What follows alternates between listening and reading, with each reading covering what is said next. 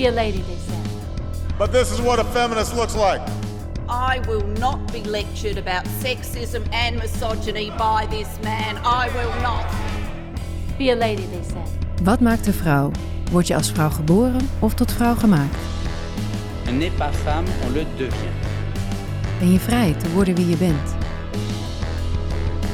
Ik vraag het topvrouwen, actrices, politici, wetenschappers. Vrouwen die succesvol zijn en vrij, maar leven in een wereld die is ingericht door en voor mannen. Be a lady, they said. That word feminist is so heavy with baggage. Een wereld waarin het feminisme nog altijd nodig is. Welkom bij Wolf. Ik ben Maartje Laterveer. Vandaag praat ik met Renske de Greef. Toen ze dochter Boris kreeg, ontdekte Renske de Greef dat haar ideeën over moederschap totaal niet strookten met de werkelijkheid. Ze schreef er een graphic memoir over, getiteld Mama Morfose. En die is precies zoals we gewend zijn van haar. Een scherp en geestig gestriptekend verslag van haar zwangerschap, bevalling en kraamtijd, waarin ze een niets ontziende blik werpt op hoe het echt is. Renske, welkom. Dankjewel. Om maar meteen met de deur in huis te vallen. Wanneer ben jij feminist geworden? Ja. Oh, wat een goede en eh, ingewikkelde vraag ook wel. Want wanneer inderdaad besef je, ik ben feminist? Ik denk dat dat voor mij kwam toen ik een boek las van Caitlin Moran. En toen ging ik eigenlijk nadenken over wat feminisme voor mij betekent. Omdat ik daarvoor denk ik ook wel mezelf... Nou, ik zag mezelf niet als feminist, want dat vond ik ongezellig klinken. Ik was wel heel erg bezig met dat ik net zo veel mocht als de jongens. Maar ik had dat een beetje anders verpakt voor mezelf. Ik zag mezelf meer als one of the guys. Oh ja. Dat was mijn, dat was mijn manier. En hoewel ik die zelf toen best wel vooruitstrevend en heel, ehm, ja, ook wel gaaf vond, zie ik er nu wel duidelijk problemen mee met die opvatting. En ik denk dat ik echt wel heel, ja, het heel belangrijk vond om ehm, stoer te zijn, om heel veel harde grappen te maken, heel veel over seks te praten, ook veel seks te hebben.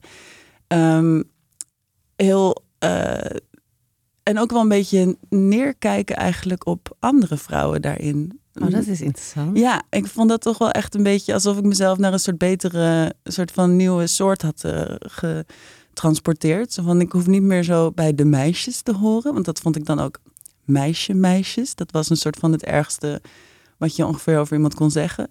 En nu was ik wel nog steeds een vrouw, maar ik was ook cool of zo. Ja, ja je hoorde En erbij. Ik hoorde Dus erbij, ja. Als, jij, als wij bij, bij elkaar op de middelbare school hadden Ja, gezeten, ja, dan had jij ook mij. Nee, jij had mij Ja. gehaat. Want ik was echt een meisje, meisje.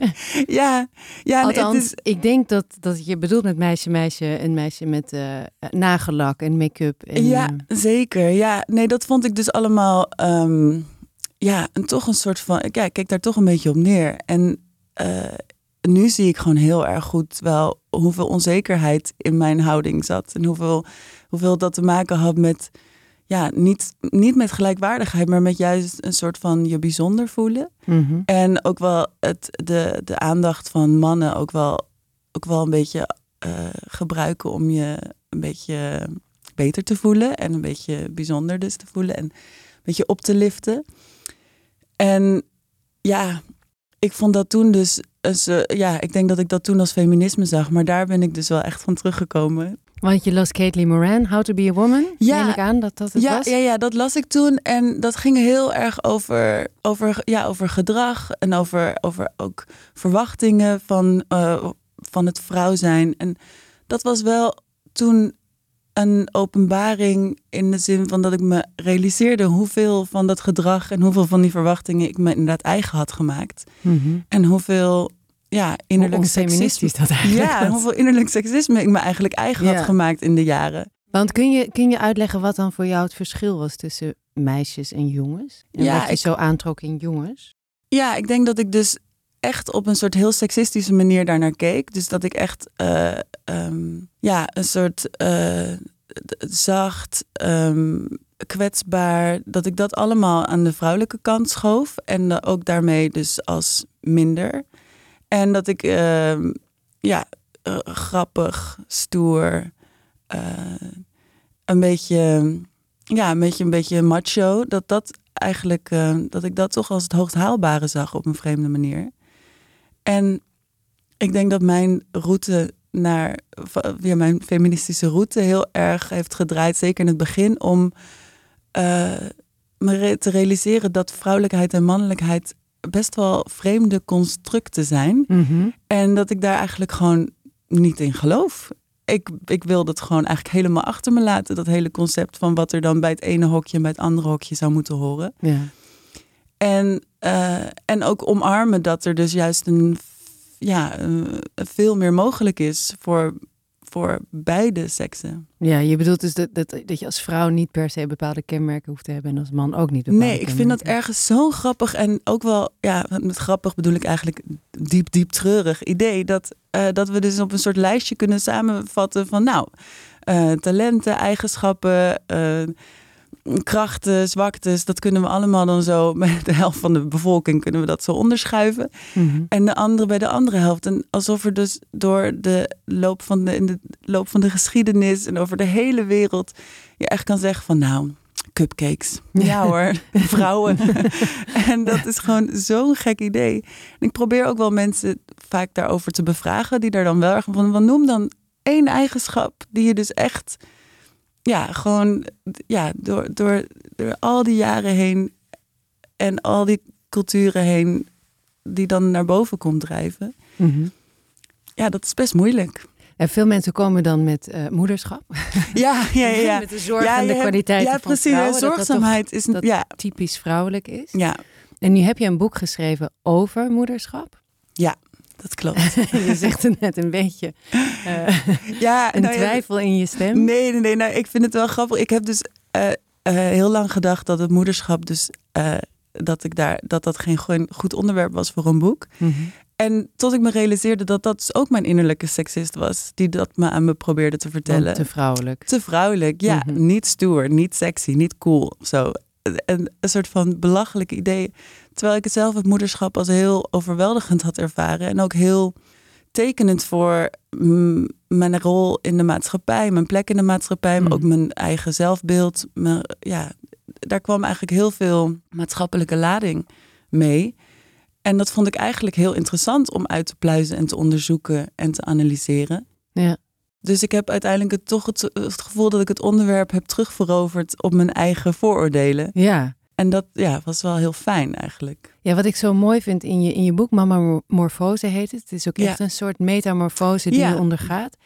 Want je, je komt van heel ver. Je, in je boek begin je met dat je eigenlijk helemaal niet moeder wil worden. Dat Nou, die ja, dat ik- een soort Ja, non-existent is. ja, En dat Klopt. herkende ik wel eigenlijk. Ik had dat ook, maar dan had ik het meer uit angst. Ik, wilde, ik, ik had zo'n visioen toen ik begin dertig werd en ik getrouwd was met een man die heel graag een kind wilde. Ehm, had ik zo'n visioen dat op het moment dat ik dan dat kind zou krijgen, dat dan elke ochtend de deur dicht zou klappen en hij dan de deur uit zou en gaan. dat je hem voor het raam mag uitzwaaien Precies, met ja. de baby op je arm. dat. Ja, En dat vond ik zo'n verstikkend idee. ja, Dat, dat weerhield me echt eh, van, van ja, het hebben van die kinderwens. ik denk dat ook wel veel, of dat in ieder geval voor mezelf geldt, dat ik mijn onafhankelijkheid als iets heel erg, eh, dat ik het een heel groot goed vond. En ook heel erg voor mijn gevoel dat heb bevochten. Of in ieder geval heel, dat ik dat in ieder geval heel erg moest beschermen. Dus dat dat iets Ja. was wat van mij was. En dat ook weer dat, weg kon gaan. En dat het ook wel, ja, dat ik vond dat dat bij mijn identiteit hoorde. Maar het gevoel dat ik dat dus zou inleveren, zou ook betekenen dat ik dus een stuk van mezelf zou inleveren waarvan ik niet goed wist waar dat dan zou blijven en wat er precies voor terug zou komen. Dus ehm, ik was ook helemaal niet voorbereid op afhankelijkheid. Ik, was, ik, was, ik had echt een leven voor mezelf gecreëerd waarin ik heel onafhankelijk kon zijn. Hmm. En ik dacht wel in het begin dus dat ik, nou ja, dat dat kind, dat, dat de baby, dat het er gewoon zo bij zou komen. Zonder dat dat echt daadwerkelijk iets in beweging zou brengen. Ja, zonder zo. dat jij hoefde te veranderen. Ja, dat dacht ik echt. En een hoe was dat in het echt? Spoiler, het was toch een beetje anders. Toch een beetje anders, Ja. hè? Ja, ehm, ja het, was, het was heel anders. Ik denk dat ik in het begin met de zwangerschap was ik nog wel heel erg, erg bezig met soort bewaken dat ik, ehm, dat ik niet zou veranderen. En dat Mhm. had ook wel een beetje een. Ja, nou ja, ik denk dat ik daar terug aan denkend weer heel erg mijn innerlijke seksist heb, eh, heb, heb herontdekt. Dat hij toch nog stiekem best wel ehm, goed verankerd in mijn eh, denken zat. Want ik had echt het gevoel dat ik iets moest bewijzen toen ik zwanger was. Namelijk dat ik gewoon zwanger kon zijn zonder ook maar iets... eh, ja, zonder ook maar te veranderen. Dus, eh, Zonder zwanger te zijn zonder eigenlijk. zwanger te zijn. Ja. zwanger als een man. Ja. Dat idee. Gewoon, ehm, dus heel veel ja, toch uitgaan. En een, vooral niet sentimenteel praten over kinderen. Gewoon heel ehm, een soort van rare matcha opvatting. Ik moet ook wel zeggen dat wat dat ook wel een klein beetje opstookte, was ook wel dat ik voelde dat de mensen of de omgeving wel anders naar mij ging kijken. Dus Oh ja? ik had ook op een gegeven moment een, een ervaring dat ik op een werkborrel stond met zo'n dikke buik. En dat iemand dan een beetje zo smalend zei van... eh, nou, en nu je moeder wordt, ga je dan nu alleen maar eh, over rompertjes eh, Oh ja. schrijven. Hmm. Dus ik had ook wel het gevoel dat, ja, dat er iets aan het duwen was. Ja, zo. dat er een soort Ja. macht aan het duwen was om mij ergens naartoe te... naar een soort, naar een soort van definitie. Alsof zwangerschap ook een soort oppervlakkigheid zou betekenen. Maar heb je dat daarvoor niet eerder gehad dan? Dat je zo'n smalende blik kreeg en dat je als mooie jonge vrouw in de journalistiek eh, toch anders werd bekeken dan. dan... Ja, Mannen? misschien wel. En ik denk dat ik daardoor ook altijd heel erg het gevoel heb gehad dat ik me stoerder moest voordoen dan Mm. ik eigenlijk was. Omdat ik het gevoel dat ik een beetje, ja, iets een dat beetje moest pareren. terugduwen. Ja. Ja. En nu had En ik dat dikke gevoel dus kan dat ook. niet meer. Nee, je hebt niks te ver, je kan het niet verbergen. Dus Nee. je bent, je bent een soort gedwongen om je, je, je, je, je voorland, je pad, zeg maar, of in ieder geval wat er een gebeurtenis en het vrouw zijn Ja. heel erg ostentatief eh, ja, Ja. te dragen en eh, te, te laten zien aan de wereld. Dus ik denk dat ik daar toen wel, ehm, ja, ik weet niet, het was seksisme van die man om te veronderstellen dat ik alleen maar over rompertjes ging schrijven.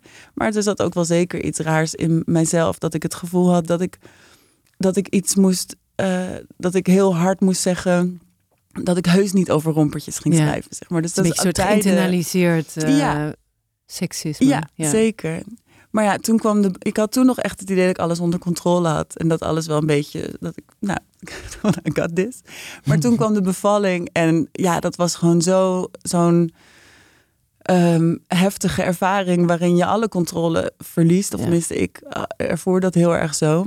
En dan die kraamtijd er meteen eh, na, waarin eh, ik echt het gevoel had van ik, ik weet eigenlijk eh, heel, ik snap hier helemaal niks van. Ik weet dit helemaal niet. Ik weet niet hoe dit moet. Maar blijkbaar verwacht iedereen Dat je het weet. dat ik het weet. En dat er nu een soort oorinstinct in mij ontvouwt. Waarin ik gewoon met een soort van kalmte en, en rust die baby pak en zeg: nee, het is gewoon een boertje. Weet je wel, Ja. zoiets. en dat ik een soort van, ja, dat het, dat oerinstinct. Ik, ik geloofde er eigenlijk natuurlijk nooit echt in, maar blijkbaar toch misschien stiekem wel ietsje meer. Nou, dat is dat rare van verwachtingen. Dat je toch het idee hebt dat door, door eh, alle beelden van moeders die de, onze cultuur ons ook Mm. aan ons voedt, zeg maar. Dat zit dan toch ergens nog wel een beetje opgeslagen. Zo de verwachting dat als je dan die baby in je armen Ja. hebt, dat het dan alles Vanzelf. vanzelf gaat. Vanzelfsprekend. Want je bent een, eh, Want je bent moeder. de moeder. Ja. Ja. En dat gebeurde niet. En dan ga je wel, daardoor, dan, dan is wel het zaadje van de twijfel wel geplant. Dus ik Wat ik zo mooi vind inderdaad, sorry dat ik Ja. maar ik, ik, ik herkende zo de, en ik wil niet weer een spoiler eh, geven, nee, maar je, je beschrijft de bevalling in je boek heel mooi en je tekent het ook erbij. En eh, ook het, het, het, de, de vervreemding eigenlijk die opstaat, die, Ja. die eh, ontstaat. Als je dan niet meteen overstroomd wordt met, met gevoelens van liefde. Of Ja. met dat je. Ik, ik, dacht- had precies hetzelfde. Oh ja, ik weet oh, nog dat ik, ja, ik dat dat mijn dochter werd geboren. Ja. Ja, want ik heb nog nooit eerder van iemand gehoord. Nee. Misschien ook omdat ik het nog nooit heb verteld aan iemand. Maar ik weet nog dat ik, dat ik weet van mezelf van... oh, ik moet nu huilen Ja. van ontroering. Want Dat ik heb mijn babytje. Maar ik voelde niks. Ik mooiste was- dag van je leven. Mooiste dag van je Ja, leven. ervaar het Net maar. als je studententijd. mooiste tijd van je Ja. leven. Dan dacht ik ook altijd, nee. Ja, Maar dat had ik hier ook. Ik dacht van, maar ik, ik vind dit echt super eng en ingewikkeld. En Ja, er ik ging gewoon iets... geschrokken. Gewoon heel erg geschrokken. Totaal. En ook een beetje in shock. En Dus in shock. dat je denkt de van, pijn ik ook. van denk dat het zo voelt als je inderdaad net Ja. een soort van overreden bent door een truck of zo. Ja. Dat je denkt, ja, zo voel ik me meer dan nu dat ik de- lekker de mooiste dag van mijn leven aan het beleven ben. Maar dat, dat vond ik ook wel. Ja, ook, het heeft wel iets verontrustends, omdat je het gevoel hebt dat er toch een bepaald plaatje is waar je niet aan voldoet. vo- ja. Ja, En- dat wordt ook bevestigd door iedereen eromheen. Hè? Ja. Iedereen helemaal Ja. blij. En Ja. eh, je wordt overladen met cadeaus en aandacht. En ik weet nog dat ik daar ook van terugschrok. Ja, Dat ik echt dacht, oh, maar ik wil mij opsluiten met deze baby. en Een idee, week lang. Ik En- dacht ook kraamvisite, nou dat wordt dan een soort van leuk feestje. En dan staat er wijn op tafel en lekker kaasvlinders. En ik was gewoon eigenlijk alleen maar bezig met... Ik, ik, eh, ik ben een soort van in stukjes verspreid over deze... Ik probeer mezelf voor elke visite een soort van bij elkaar te schrapen. dat was ja, weinig feestelijk toch? Ja. Hoe Ja. heb je jezelf weer teruggevonden? Nou, ik denk dat. ehm, ik denk dat het voor mij een, een soort. Het, eh, me realiseren dat het ook te maken heeft met leren en met eh, onderzoek en met jezelf, jezelf opnieuw leren kennen. In plaats van dat het allemaal juist vanzelfsprekend en een soort van organisch gaat. Dat heeft mij wel heel erg geholpen. En ook met bijvoorbeeld die zorgzaamheid. Ik had dus. Ik, ik voelde me nooit. Ik was nooit een heel zorgzaam iemand. En daar was ik misschien stiekem ergens wel een beetje trots op. Want ook dat Ja. had mijn innerlijke meisje, seksist meisje. Ja. als, als, als feminisme bestempeld. Ja. Nou, ik ga in ieder geval niet zorgen dat iedereen een, eh, een, een bordje eten heeft. Ik ga lekker met de poten omhoog. Ja, gewoon wijn drinken en grapjes maken. Dat was een beetje, ja, wat ik dan... Ja, dat vond ik ook een soort van... eh, iets wat ik veroverd had of zo. Mhm. En, ehm, en ik had ook echt het idee dat ik moeder ging worden met persoonlijkheid. Dus dat, dat ik een soort van mezelf, hoe ik mezelf zag, ook heel erg mee kon nemen in die nieuwe rol als moeder. In tegenstelling tot alle andere moeders. Ja, ja, Geen persoonlijkheid. ja nee, maar ik had gewoon echt gedacht van, van ook een baby verzorgen kan je met een soort van eh, Mm. persoonlijkheid doen. Ja, dat is super dom.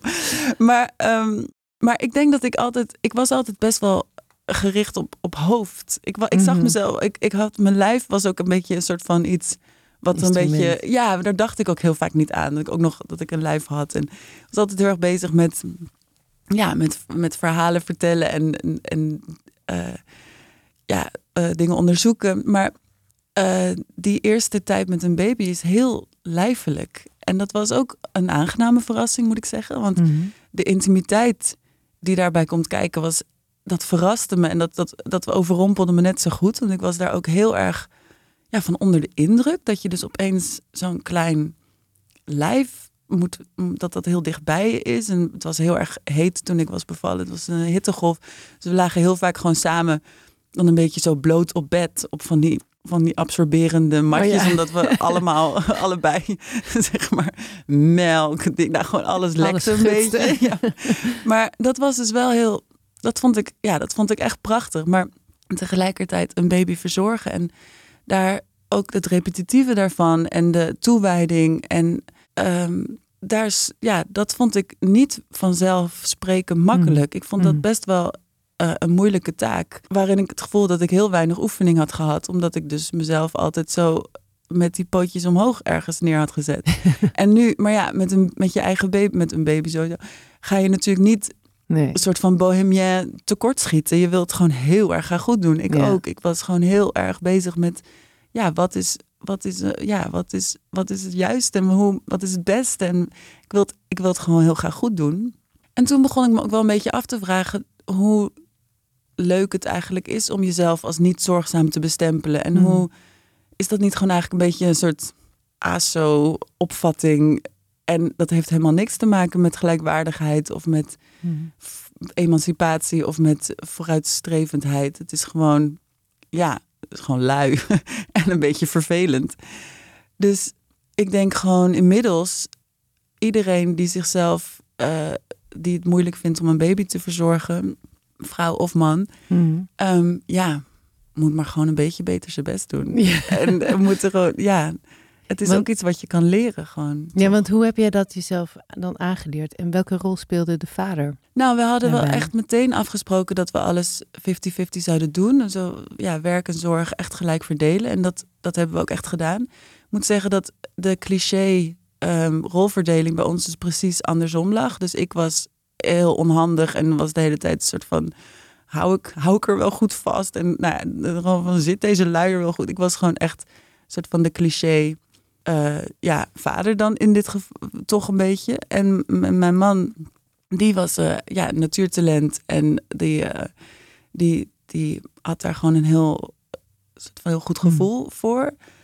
Ehm, maar ik denk dat omdat de maatschappij misschien meer van mij verwacht dat ik het zou moeten kunnen, dat ik daardoor wel ietsje beter mijn best ben gaan doen. Omdat ik ook niet ja, ik, ja, je hebt een beetje zo die twee schablonen van de goede moeder, de oermoeder en de ontaarde moeder of zo. Dus Mm. het, ja, ik wilde natuurlijk absoluut niet. De eh, ontaarde moeder nee, zijn. dus ik, Mm. maar ik kan me voorstellen dat, dat dat dus wel soms misschien een beetje misgaat in gezinnen waarin de man misschien zich iets onhandiger voelt in het begin, Mm. maar ook dus niet heel erg veel aansporing krijgt van buitenaf om het te moeten kunnen. Omdat hij iets makkelijk kan zeggen van ja, hey, eh, Ja. Hormonen of zo, weet je wel. En dan, ja, en dan, en dan gewoon er iets meer gewoon in gaan hangen. Dat je er gewoon eh, net ietsje minder geschikt voor bent of zo. ja, dan komt het natuurlijk altijd op die moeder neer. Ja, en daarom moeten die vooroordelen daarover moeten gewoon echt... Ja, die moeten echt Ja, anders. die moet We gewoon de wereld moeten- uit. Precies, we moeten hoe, gewoon... eh, hoe ja. merkte jij die dan? Want de maatschappij die komt een paar keer terug in, jouw in jouw boek. En je zei net ook al, ja, ik had het idee dat ja, mijn positie in de maatschappij een beetje veranderde op het moment dat ik zwanger werd. Hoe, hoe voelde je dat? Waar zit hem dat Nou, in? het is wel heel grappig dat, dat je echt even onzichtbaar bent als je een, een baby, eh, als je echt in die kraamtijd, zeg maar, dus eh, met, ehm, met, een, met, een, met een kinderwagen over straat. En het is heel extra grappig, omdat ik zeker weet dat ik Mhm. precies zo was. Want je ziet gewoon, als, als je nog zelf jonger bent, zie je, ja, je ziet het gewoon niet. Maar ik merkte wel zelf dat ik eh, in die, die repetitieve zorgdagen, die soms best wel zwaar zijn, omdat ze op de een of andere manier moeilijk zijn en ook een klein beetje saai kunnen zijn. Dus Mhm. je, je bent een soort van heel moe en een beetje onderprikkeld. Ehm, dat ik heel erg verlangde naar applaus. en dat ik gewoon zo gewend was. Dat ik me realiseerde hoe erg gewend ik was om dingen te doen waar je een klein beetje applaus voor krijgt. ja. En dan bedoel ik niet eens. Gewoon eh, columns in de krant. niet, maar niet eens alleen, maar gewoon werken eigenlijk. Ja, ja. Gewoon werken Mm. alleen al is best wel vaak dat er gewoon wel iemand is die aan het eind zegt: hey, Goed gedaan. goed gedaan. Ja. Jij mag wel een glaasje wijn. Of, eh, Of in elk geval ja, jezelf. Je ja, kan zelf of trots jezelf, zijn op precies. jezelf. Vinkjes Ja. zetten, Ja. afspraken. Ja, je voelt dat heeft toch een heel. Een, dat, eh, ja, dat geeft gewoon een, een vreemd, of tenminste een, een beetje een misplaatst eigenlijk gevoel van eh, accomplishment. Hoe zeg je het? Ja. Ja. dus dat je, iets, dat je iets hebt nuttigs. Ja, je voelt je nuttig. Ja, En, eh, en dat heeft dat applaus, eh, daar heeft daar, ja, heeft daar een soort van. zo'n accolade erop. Ja, Ja. en dat, dat, dat, door dat applaus krijg je gewoon dat gevoel van, van nuttigheid. Maar ehm, niemand geeft echt applaus voor het verzorgen van een baby. Dus er komt niemand naar je toe om te zeggen van... hé, hey, goed gedaan. weer een dag eh, gewoon luiers opgedaan. Deze, ja, weer, weer een dag in leven gehouden. ja, precies. En ehm, ik vond het heel kinderachtig van mezelf dat ik dat zo... eh, Mhm. dat ik me dat realiseerde. Maar ik vond het ook opvallend dat het wel een teken is van hoe wij zorgzaamheid waarderen in de maatschappij. Mhm. En dat je je realiseert dat dat, dat echt geen status heeft. Dat, dat bungelt echt onderaan de maatschappelijke Mhm. ladder. Mhm. En dat is eigenlijk heel vreemd als je bedenkt hoe nuttig dat werk is. Ik had ook zelf wel echt, als ik dan, ehm, ja, bijvoorbeeld eh, eh, ouders die dan die, die thuis bleven met hun kind, dan had ik toch altijd een beetje een soort, ja, gewoon het gevoel van dat het ook een beetje een vakantieleven was. Ja. Gewoon met heel veel licha's. Dus daar keek je En ook een beetje met minachting Een naar. beetje. Er zat, er zat een, ja, er zat een hint van, Ja. van ja, neer- ja, toch een beetje het gevoel dat het makkelijk was. Mhm. En nu realiseerde ik me echt dat er hoeveel creativiteit en toewijding en liefde er in zorg gestopt moet worden. Juist Ja. omdat het zwaar is. En ook nog eens staat, ja, weinig status. Ja, het heeft ontzettend weinig status. En het is, het is in de hele discussie, vind ik, over part-time prinsesjes, zoals eh, vrouwen Ja. in Nederland worden genoemd, Ja, vind ik het ook zo ingewikkeld. Want het Ja. gaat, die discussie gaat helemaal voorbij aan dat vrouwen eh, nog steeds eh, verantwoordelijk worden gehouden voor de zorg in het huishouden, voor de zorg voor de kinderen. Ehm, school belt als eerste de moeders en niet de vaders, om de vaders maar niet te storen. Ehm, maar dat is allemaal onbetaald werk, alsof Ja. het niks is. Ja. Terwijl als zij dat werk niet, als wij dat werk niet zouden doen, dan zouden die mannen niet zo kunnen floreren. nee, het is- precies. het, het hangt met elkaar samen. We, zijn, we hebben zo'n gekke maatschappij eigenlijk gecreëerd ja, met waarin, z'n allen, waarin iedereen keihard moet werken. Ja, en dat ook het enige is wat blijkbaar dus dan als nuttig of als... Ja, het betaalde werk. Precies, het betaalde werk is nuttig. En ja. het onbetaalde werk, ja, dat moet maar gewoon Een ergens in de, ja, in de marge worden gedaan. maar in je eigen tijd. Doe ja. in je eigen tijd. Ja, Terwijl dat is gewoon, ja, niet alleen fysiek zwaar, het is ook een mental load, Ja. mental verantwoordelijkheid. Zeker. En ik denk ook inderdaad dat waar gewoon meteen ehm, de ongelijkheid dan begint met, met moederschapsverlof en vaderschapsverlof dat niet gelijk is. Waardoor je dus meteen al een dynamiek krijgt Ja. waarin dus, ja, de, de vrouw dan vaker ja, meer ervaring heeft. Ik bedoel, dat, is, dat was het voor mij ook echt. Ik moest gewoon er, ja, toch gewoon ervaring opbouwen en leren en eh, juist veel tijd doorbrengen met, eh, Met met, mijn kind Ja. om, eh, om dingen te gaan ja, snappen. Dat is ook niet zo gek, hè? Zo'n kindje. Nee. Ik vind het zo raar dat we eh, niet zoiets... In, in Zweden en in Noorwegen bijvoorbeeld... de- volgens mij kunnen mensen daar wel een jaar thuis blijven als ze een Ja. kind hebben. En hier is dat dan ja, Moet je er maar eventjes zo'n... zes weken of zo. En mannen nu ook dan zes weken, maar die nemen het niet eens op. Nee, En dan moet je maar weer gewoon door. door. Terwijl het is super belangrijk hoe je Ja. die eerste tijd omgaat met je kind. Ja, En, zeker. De, ja. en hoe heb jij, ehm, hoe hebben jullie dat geregeld? Want jullie zeiden, ja, we doen alles 50-50. Ja. Dat, is, dat gaat Dat gaat nog soepeltjes, steeds. eh, ja, nou, nu ook met de tweede dochter erbij. Ja, Gaat dat goed? ja, ik moet zeggen dat dat echt goed gaat. En dat we heel erg allebei... ehm, ja, het allebei gewoon belangrijk vinden om...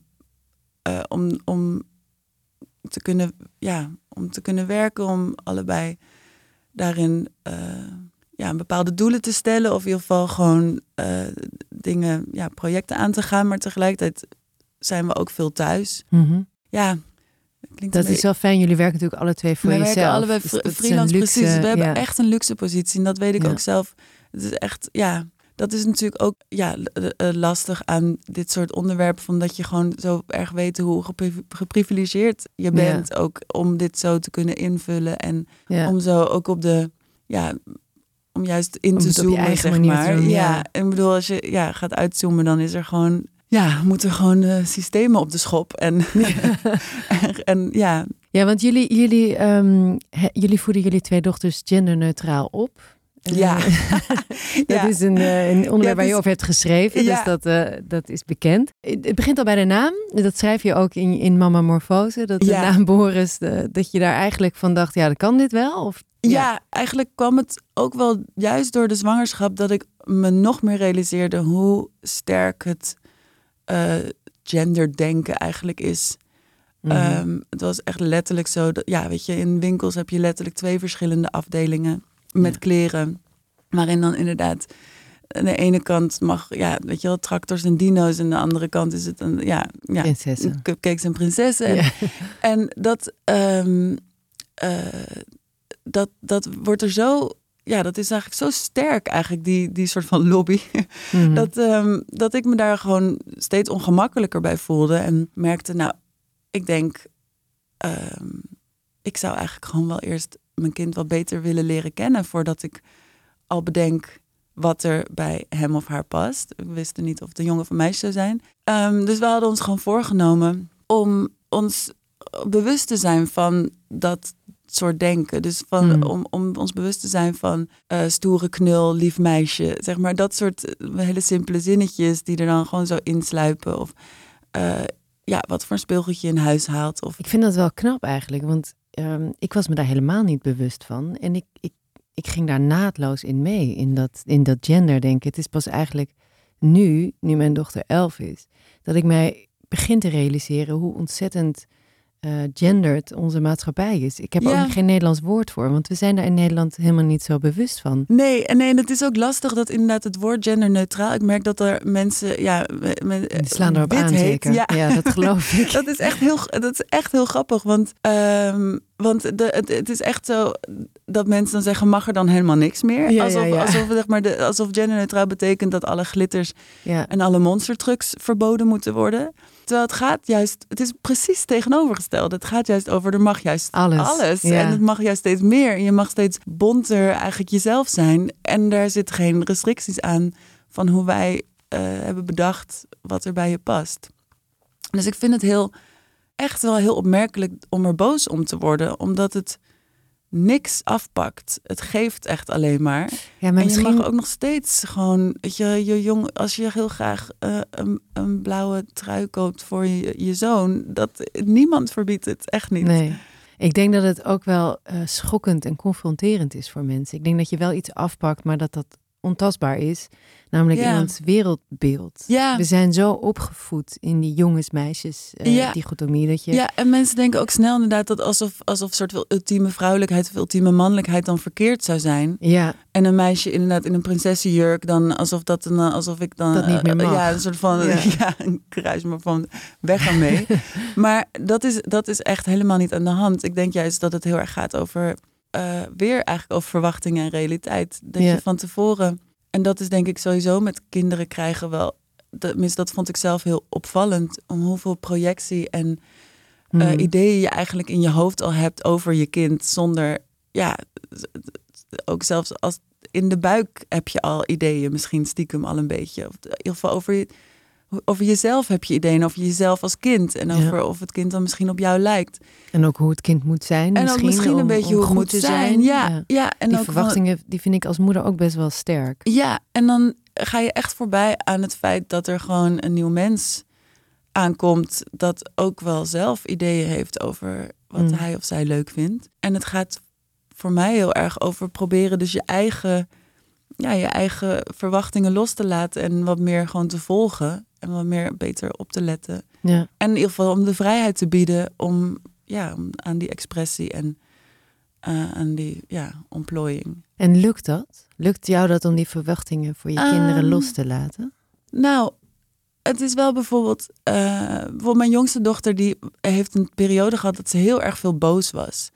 En ik merkte op een gegeven moment zelf dat ik dat heel moeilijk vond, omdat ik, eh, ik vond het gewoon super ongezellig. Nou, dat is meestal ook wel een beetje ongezellig, maar ik realiseerde me ook op een gegeven moment dat ik zelf eigenlijk niet zo heel goed ben met boos zijn en dat ik zelf heel erg heb geleerd ook dat boos zijn niet oké is en dat dat Hmm. inderdaad iets is wat je misschien maar beter een beetje weg moet stoppen.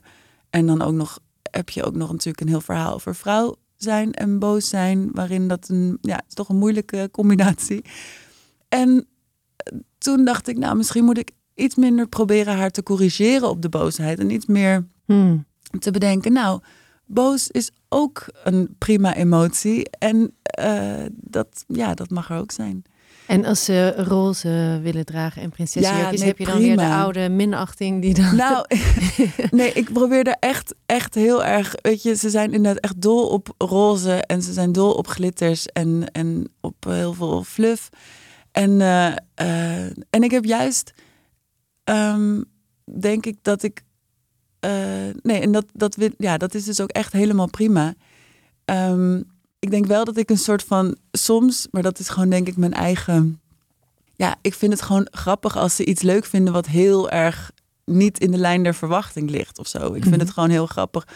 Uh, ja, Het is heel eigen. ja, weet je, als ze dan inderdaad opeens, eh, ja, weet ik veel, dat ze heel graag eh, willen tegel zetten of zo. Ja, snap je dat er iets, gewoon iets gebeurt wat je helemaal niet verwacht? Dat vind ik altijd wel, wel leuk. Mhm.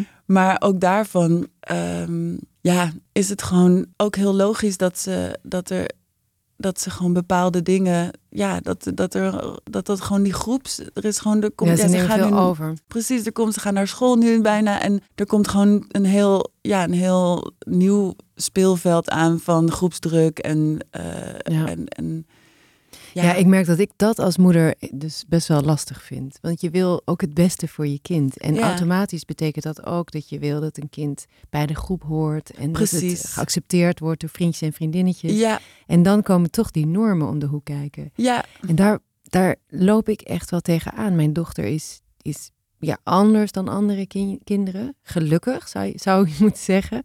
Maar ik maak me daar soms ook zorgen over. Dan denk ik, ja, maar ben je dan wel geaccepteerd? En ik merk toch dat ik dan soms probeer haar in die mal te duwen. ja, om maar, ja, Terwijl om maar dat- veiliger te zijn. Om maar veiliger te zijn. Ja. Dus, maar dan geef ik dus eigenlijk door wat ik Ja. niet wil. Ik Nee. wil niet dat zij zich als een typische vrouw ontwikkelt. Ik wil dat ze gewoon zich ontwikkelt als zichzelf. Ja, Maar ja, hoe, eh, hoe doe Ja. jij dat? Ik vind dat dus heel Ja. moeilijk los te laten. ja, ik denk inderdaad dat het gewoon, eh, dat, dat je kind het vertrouwen geven dat de eigen, een eigen koers er mag zijn. En dat jij die altijd zal, zal, zal steunen. Dat dat toch, ja, uiteindelijk ja, moet je kind het toch altijd wel zelf doen. Je bent er toch gewoon Ja, vaak... je moet het voorleven ook dan. Je Ja. moet ook zelf dus je heel duidelijk je eigen koers durven varen. Ja, Hoe, hoe gaat het met jou en je inner seksist? En, Ja. eh, nou ja er, ja, er zijn nog steeds wel soms van die, van die domme dingetjes van... eh, kan bijvoorbeeld, ik heb mijn rijbewijs gehaald, maar ik vind autorijden dus heel erg eng. En dan eh, merk ik dat ik het dus dan eigenlijk slecht vind naar mijn dochters toe dat dus ik nooit auto rij. Omdat ik dan toch Mm. ergens denk, ik ben nu een slecht voorbeeld aan het geven. Maar dan tegelijk denk ik ook, ja, ehm autorijden is ook gewoon eh takken eng. Laten we eerlijk wezen. Dus ik mannen ben kunnen ook, het ook eng vinden. eh, precies, ik ben ook gewoon Ja. eerlijk over wie ik, over mijn angst. En ik denk dat gewoon die kwetsbaarheid, over de kwetsbaarheid en ook over dus accept, ja, gewoon erkennen dat er dingen zijn die, ehm, ja, die, die misschien niet als stoer worden gezien, maar die wel bij me horen. Mhm. Ehm, dat, dat, dat dat heel belangrijk is. En, Mhm. en eh, ik denk dat dat niet alleen voor vrouwen belangrijk is, maar ook voor mannen. Mhm. Dat, ehm, ja, dat, dat we dat, dat juist dat giftige idee van hoe, hoe iets hoort te zijn. En dat vaak dan ook inderdaad het mannelijke perspectief dan de overhand neemt. ja. Ehm, of pers- wat we dus als mannelijkheid zijn gaan Ja, zien. ja. Hè? Want ja, daar Dus ga je. Nature en nurture. Dus er is Ja. gewoon dat hele, Mm. ja, Ja, want zie, dat vind ik wel heel interessant aan die hele discussie over seksisme. Dat mannen uiteindelijk ook een gender hebben. Dat schijnen we wel eens te vergeten. Maar ja, dat die is worden niet ook in een neutraal. hokje. Nee, precies. Nee. Dat, Nee. Worden we, dat zien we wel als neutraal, want mannen Ja. zijn de norm. Maar Ja, Ja, ik net denk als- dat dat ook het. Ik denk inderdaad van op mijn pad van feminisme, dat daar dus nu ook het inter- intersectionele feminisme veel meer eh, de overhand heeft genomen. Door gewoon te erkennen dat nie, ja, niemand is neutraal. nee. En er zijn altijd krachten aan Ja. het werk waardoor de een meer macht heeft dan de ander. En dat zit in onze systemen eh, ook wel verankerd en ook in onze cultuur. En om daar, ja, om daar een soort van eh, gelijkheid te gaan zoeken, dat is denk ik de, ja, de grote uitdaging van nu. Ja, maar ik denk ook dat dat, dat dat echt heel lastig is. Je ziet dat er wel ietsje meer aandacht komt voor ook die mannelijke kant van, van eh, seksisme. En dat mannen ook ja, meer misschien eh, hun, hun zogenaamd feminine eigenschappen zouden moeten omarmen. Maar tegelijkertijd vind ik dat daar ook weer heel weinig debat over is. Er zijn bijvoorbeeld in het buitenland zijn daar best wel interessante boeken over Ja. verschenen. In Frankrijk bijvoorbeeld, van eh, Ivan Jablonka. Ik weet niet of je dat Nee. kent. En dat heet eh, Les, eh, Les Hommes Justes, eh, geloof ik in het Frans. In het Nederlands is het wel vertaald, in Mm. Mannen die deugen. Oh. Een supergoed boek Ja, over, eh, nou ja, over dit eigenlijk. Over hoe, hoe de wereld is ingericht voor en door mannen. En, en hoe dat mannen eigenlijk ook 1-0 achterzet. Omdat Ja. ze niet kunnen zijn wie ze zijn. witte mannen natuurlijk ook nog. Witte mannen, Ja. zeker.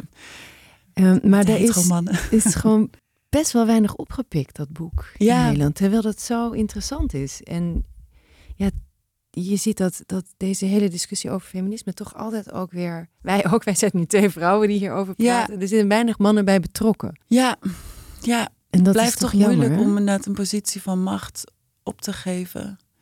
Ja, Ehm, zou dat het zijn? Ja, misschien een beetje. Ik ben, ik ben dus heel benieuwd. Ik weet, ik ken daar dus niet, maar ik ben dus heel benieuwd naar hoe jongere generaties, of daar dan, ik denk toch dat er wel echt veel verschil, dat er toch wel ja, veel gebeurt. Ik, ook als je zeg maar kijkt naar het ouderschap, is er natuurlijk Mhm. ook echt wel veel veranderd, ondanks dat het nog niet perfect is. Maar het verschil van, ja, gewoon hoeveel mannen je achter een kinderwagen ziet. ja. Ehm daar Klopt, dat is gebeurt- meer dan vroeger. Ja, Ja, zeker. Het is nog steeds wel een groot verschil, eh, Ja. denk ik, tussen mannen en vrouwen daarin. Zeker, ja. En zeker als je, ja, ehm, nou ja, ja, ik denk dat, dat, dat, dat, er dingen, ja, dat er dingen bewegen, maar ja, het beweegt mij nooit snel genoeg. Nee, nee dit is altijd de vraag, denk ik, wanneer dan zo'n keerpunt is. Als het er Ja. echt om gaat, zouden we dan veranderen? Als, het er echt, als er echt dingen op het spel staan voor mannen bijvoorbeeld, om hun privileges op te geven of Ja, patriarchaat omver te schoppen. Ja, Zou dat dan gebeuren? Dat vraag ik me wel eens af. ja. Maar ja, jullie doen in elk geval eh, een duidend zakje met een genderneutrale opvoeding. Of als micro. Ja, en ik moet zeggen, die genderneutrale opvoeding, dat klinkt dan dus heel erg eh, interessant en gekozen. Maar dat betekent dus, Hmm. je, je ziet niks. Je, je zal, je zal er. Ik denk echt dat er niemand is die ons huis inkomt en dan denkt, nou, dit is een genderneutraal. Nee, want er is gewoon, dus het is gewoon een, een normaal huishouden, denk ik, waarin Hmm. gewoon, eh, ja, waar, eh, we hebben gewoon puur opgelet Hmm. dat er, ehm, ja, dat er gewoon een beetje keuze is eh, in speelgoed of in kleding of zo. En nu zijn ze inmiddels ook bijna, ja, Hoe oud zijn ze nu? Ze zijn zes en drie. Zes en drie. Ze gaan ook bijna zelf gewoon allemaal dingen kiezen. Dus het is denk ik, eh, het klinkt heel gewichtig, de term, maar de uitvoering is heel praktisch en eh, laagdrempelig. Maar het is wel een bewuste keuze. Dus daar zitten wel Ja. gedachten en principes achter. Het is een keuze, denk ik, om, voor ons, om onszelf eraan te herinneren hoe makkelijk je, hoe, hoe Ja. makkelijk je verzandt in, in wat, eh, wat ja, de speelgoedwinkels ons vertellen. Ja. Maar en merk ja. je dat aan je dochters ook? Eh, merk je... Ja, ja, verschil kun je natuurlijk niet merken. Want je hebt, ze, je, hebt ze, je, hebt, Nee. je hebt ze niet een andere opvoeding ook gegeven. Maar merk je dat het inderdaad eh, vruchten afwerpt, zo'n opvoeding? Nou, ja. ehm, ja, de, ja ik, ik, ik, zou moeilijk, ik vind het moeilijk wat dan precies inderdaad het effect zou moeten zijn of zo. Ehm, ze, s- ze spelen wel met alles. Ik bedoel, het is niet alsof... Mhm. Ja, maar ja, welk kind wil nou niet met een, een trein of een pop spelen? Dat zijn toch alle twee Nou, gewoon mijn hele dochter leuke... speelt niet met treinen. Nee? Nee, speelt echt die- heel erg met Barbies. Ja, En dat Ja. krijg ik er ook ja, niet uit. Niet dat ik dat zou willen, maar ik heb haar volgens mij wel ook dingen aangeboden als autootjes en dat soort Ja. dingen. Maar zij, ik merk dat zij van school uit ook een hele erge invloed krijgt over. Nou, ze, krijgt, ze komt echt met ideeën thuis over meisjes eh, zijn minder slim dan jongens bijvoorbeeld. oh. Of eh, met kleren bezig zijn. Dat is echt iets voor meisjes. Ja.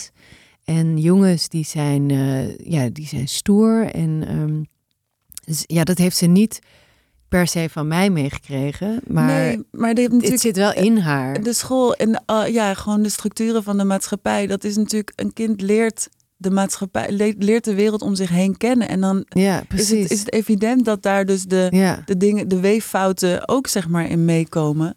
ja. En ik merk Ehm, ook dat het moeilijk is om dat bespreekbaar te maken. Want Ja, dat wil ik dan wel. Dan Ja. zeg ik, nee, dat is, weet je, dat is niet zo. En, eh, maar het is heel moeilijk om uit te leggen. En het is ook, jij bent theorie en wat ze ziet is Precies, om zich is heen is de praktijk. En Exact. daar leg je toch snel tegen af Precies. natuurlijk. En ik kan inderdaad ook wel honderd keer tegen haar zeggen dat jongens ook een jurk aan mogen. Maar als er één keertje in de, de klas een jongetje een frozen verkleedjurk aantrekt en iedereen lacht hem uit, precies. dan heeft dat echt wel ietsje meer impact natuurlijk.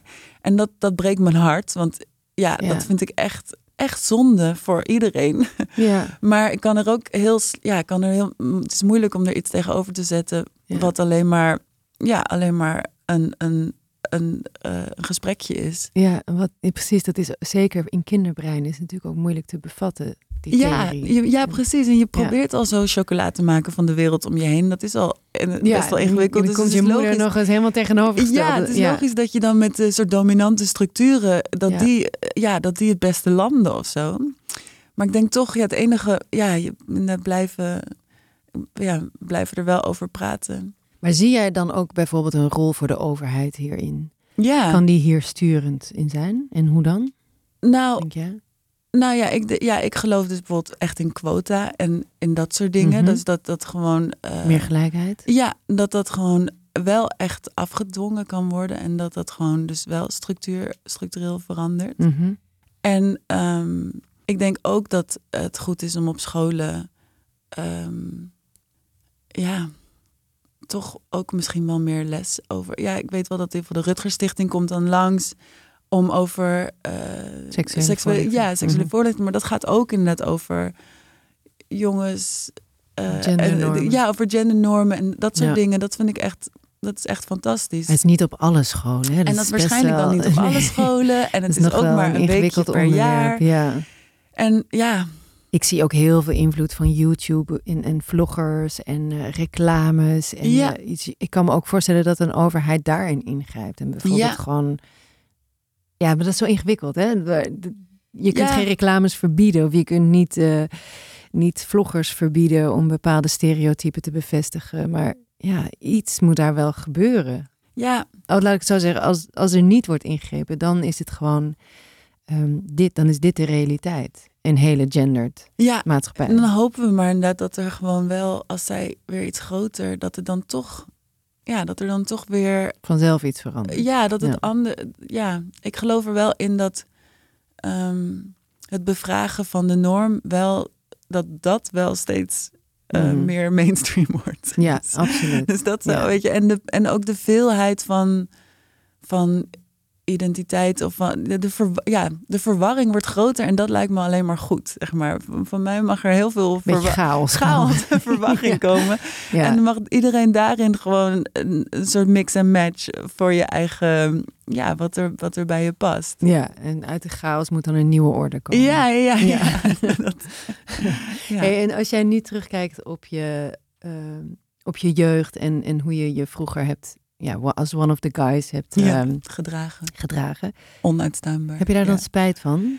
Zou je dat Ehm, anders doen als je... Ja, zeker. Want ehm, ja, god ja. Het was een, ook een soort overlevingsstrategie. Ik bedoel, ik was helemaal niet per se een heel... Ik ben, ja, ik ehm, was niet van nature heel erg altijd, altijd heel gelukkig op school. Of eh, heel op de basisschool ook al niet. Dus Mhm. ik had ook gewoon op een gegeven moment...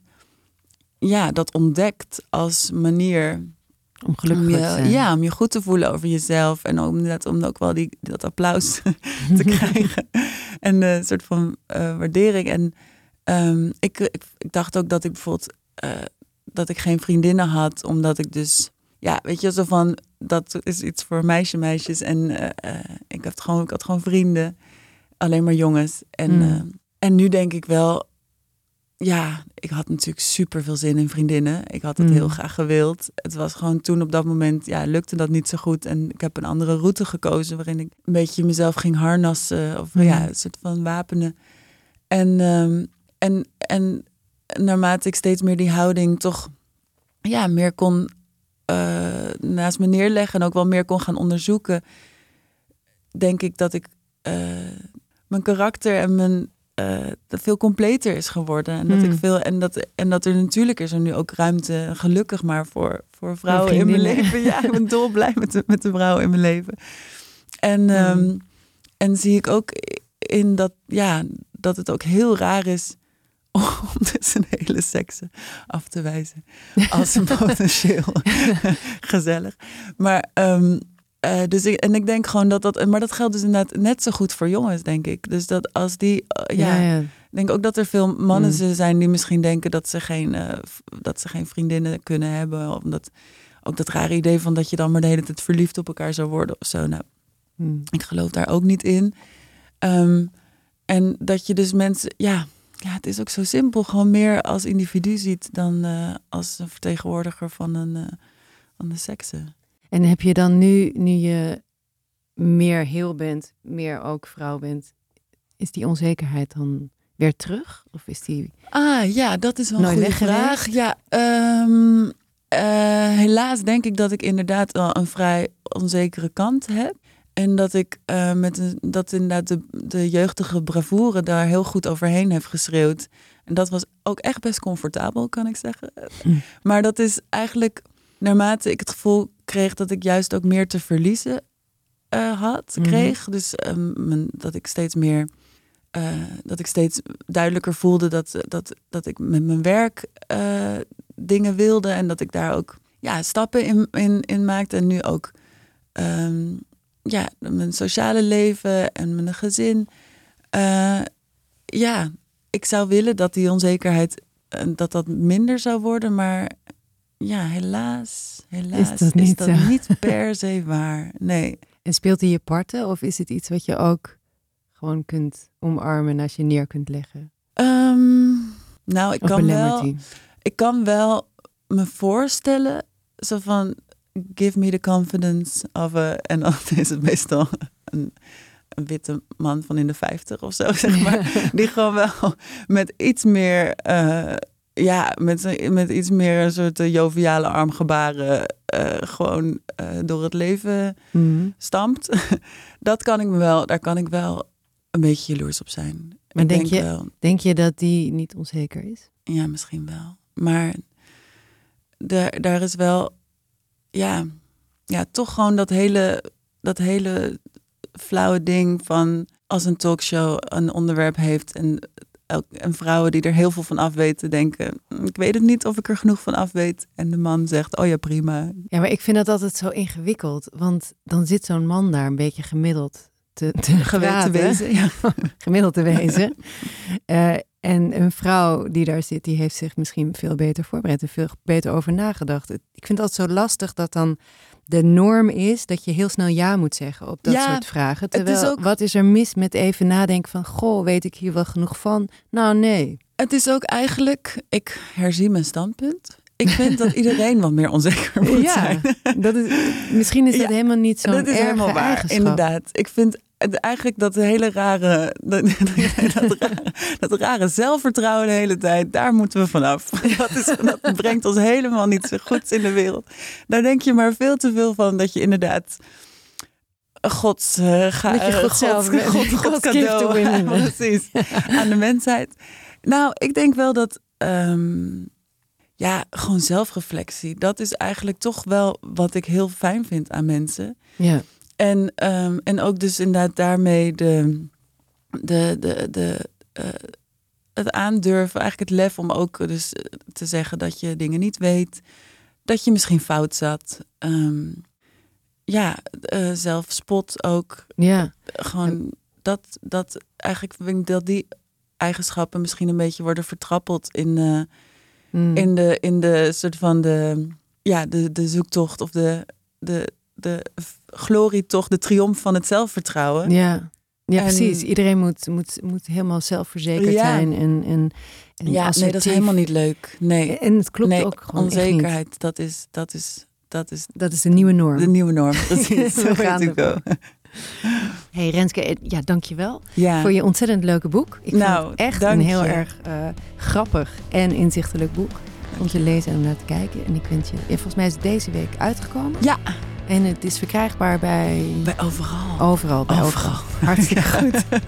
nou, Boekwinkels dan toch voornamelijk. boekwinkels. Ga naar je eigen boekwinkel, koop het boek. En eh dank je wel.